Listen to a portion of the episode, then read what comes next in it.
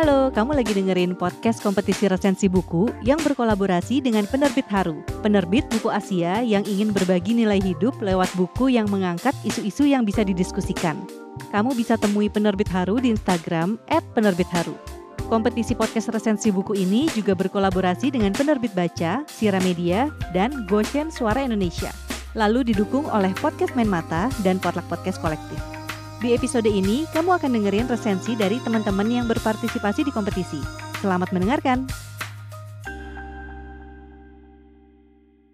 Halo, aku Rara. Di sini aku bakalan meresensi sebuah buku yang bestseller di Korea Selatan. Judul bukunya I Want to Die But I Want to Eat Tteokbokki 2 yang ditulis oleh Baek Sehi.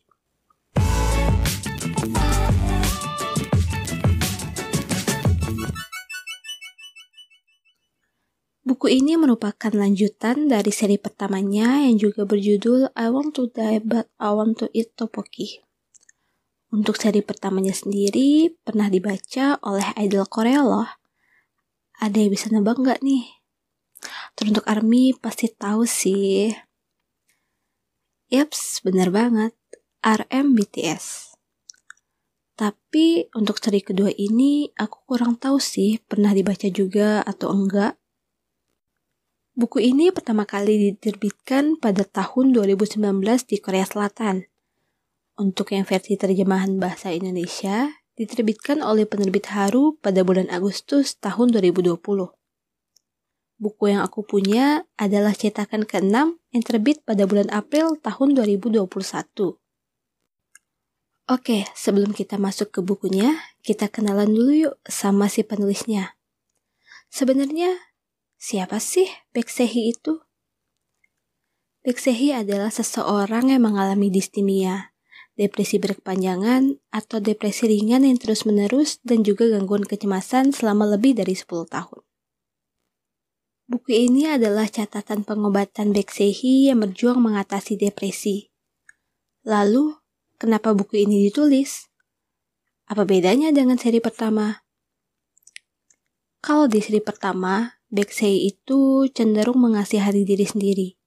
Sedangkan pada seri kedua ini, ia mencoba untuk lebih menerima dan tidak membenci dirinya sendiri.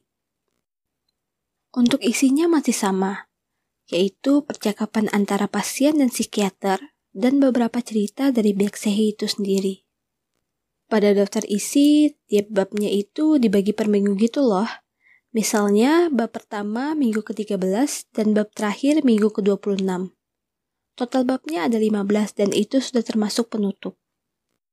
Karena buku ini bergenre self-improvement, kamu bisa saja menemukan hal-hal yang relate dengan kehidupan kamu. Sekarang aku bakal bacain beberapa part percakapan Beksehi dengan psikiaternya yang menurutku itu bagus banget. Saat itu Beksehi terlalu terobsesi pada diet. Ia juga kerap kali mengalami stres karena perlakuan orang lain padanya. Dan begini kata psikiaternya. Yang penting, kita bisa menerima kenyataan bahwa semua orang mengalami stres semacam itu.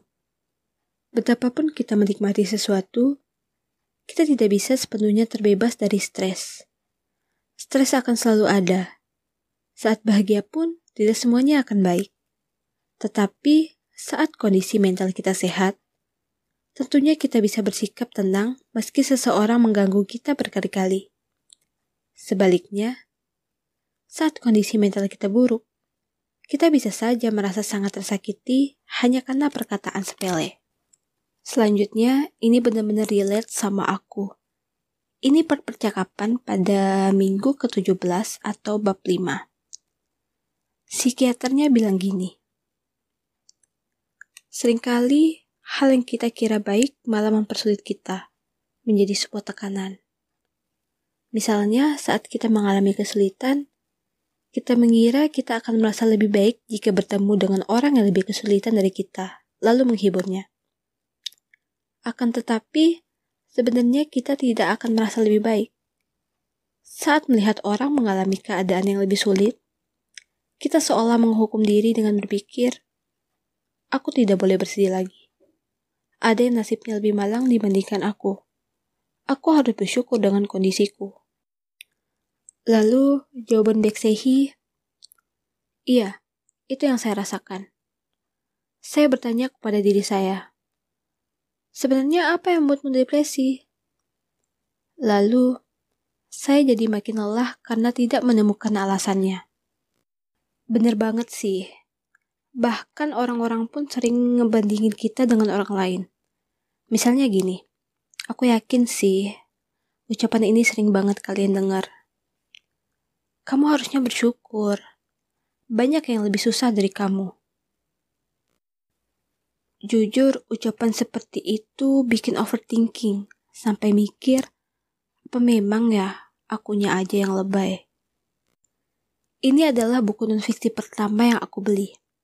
Karena sebelumnya aku tuh suka banget sama buku fiksi dan sama sekali nggak tertarik dengan buku non-fiksi. Ya, menurut aku buku non-fiksi itu membosankan. Tetapi, buku inilah yang mematahkan pemikiranku. Aku sangat menyukai buku ini. Sama seperti ulasan yang diberikan oleh Dr. Jamie Ardian di cover depan buku. Penerimaan dalam buku ini digambarkan sebagai proses yang unik dan individual, yang tidak serta-merta langsung menerima, bahkan saat sedang berproses. Saat membaca, aku seolah-olah ikut masuk ke dalam dunia Beksehi seolah sedang melihat ceritaku sendiri karena banyaknya hal yang relate. Beksehi benar-benar menceritakan kehidupannya di sini. Dari yang awalnya merasa cemas, tidak puas dengan dirinya sendiri, selalu memikirkan pandangan orang lain, hingga pada akhirnya memutuskan untuk tidak memandang dirinya negatif dan tidak membenci dirinya sendiri lagi. Menurutku, buku ini benar-benar emosional Aku membutuhkan waktu yang cukup lama untuk menyelesaikan buku ini. Teruntuk kalian yang ingin membaca buku ini, aku menyarankan untuk tidak membacanya saat mental lagi down. Lebih baik membacanya saat keadaan memang ya sedang stabil. Oh ya, jika kalian membaca buku ini untuk menemukan cara agar sembuh dari depresi, mungkin kalian tidak akan menemukannya tetapi kalian akan diajak untuk lebih memahami dan menerima diri sendiri melalui pengalaman hidup Beksehi. Seperti kata Beksehi yang memutuskan untuk mengakhiri buku kedua ini. Sebenarnya, bahkan jika cerita dalam buku saya sudah berakhir, bukan berarti saya sekarang sudah sembuh kan? Pada kenyataannya juga saya memang belum sembuh. Beksehi menekan pada kalimat, "Saya sekarang sudah sembuh." Bukan berarti saya sekarang sudah sembuh, kan? Kelebihan dari buku ini adalah yang pertama, covernya yang menurutku itu lucu. Aku itu tipikal orang yang mudah tertarik sama buku ya karena cover depannya. Itu juga salah satu alasan kenapa pada akhirnya aku memutuskan untuk membeli buku ini. Yang kedua, bahasa yang mudah dipahami. Meski sebelum aku memutuskan untuk membeli buku ini, aku pernah melihat review yang mengatakan bahwa bahasa pada buku ini terlalu kaku. But it's fine. Ya, walaupun Teruntuk kalian yang belum terbiasa membaca buku dengan bahasa yang formal, mungkin akan sedikit kesulitan. Dan yang terakhir dan yang paling aku suka adalah ada beberapa kalimat yang lebih ditekankan dengan diberi warna pink. Ya, meski tidak banyak dan tidak seramai pada seri pertama sih, tapi menurutku itu sangat membantu. Untuk kekurangannya, aku hanya menyayangkan satu hal, yaitu tidak ada peringatan atau trigger warning pada cover depan ataupun di dalam buku. Karena pada buku ini terdapat adegan self-harm dan attempt to suicide yang bisa saja menjadi sangat sensitif di kalangan orang-orang yang memiliki gangguan mental. Oke, sebelum mengakhiri sesi resensi buku pada hari ini, saya ingin membacakan kalimat yang Beksehi tulis pada bagian penutup. Aku harap kalian yang mengalami gangguan mental mengunjungi rumah sakit dengan wajar, layaknya bernapas, dan tidak mengambil resiko apa pun.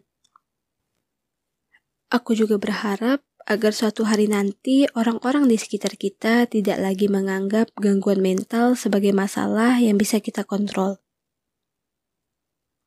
Agar suatu hari nanti luka hati dan luka fisik diperlakukan sama.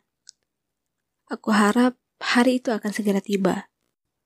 Dan ya, aku juga tidak sabar menantikan hari itu. Terima kasih sudah mendengarkan podcast kali ini. Sampai jumpa lagi. Semangat ya!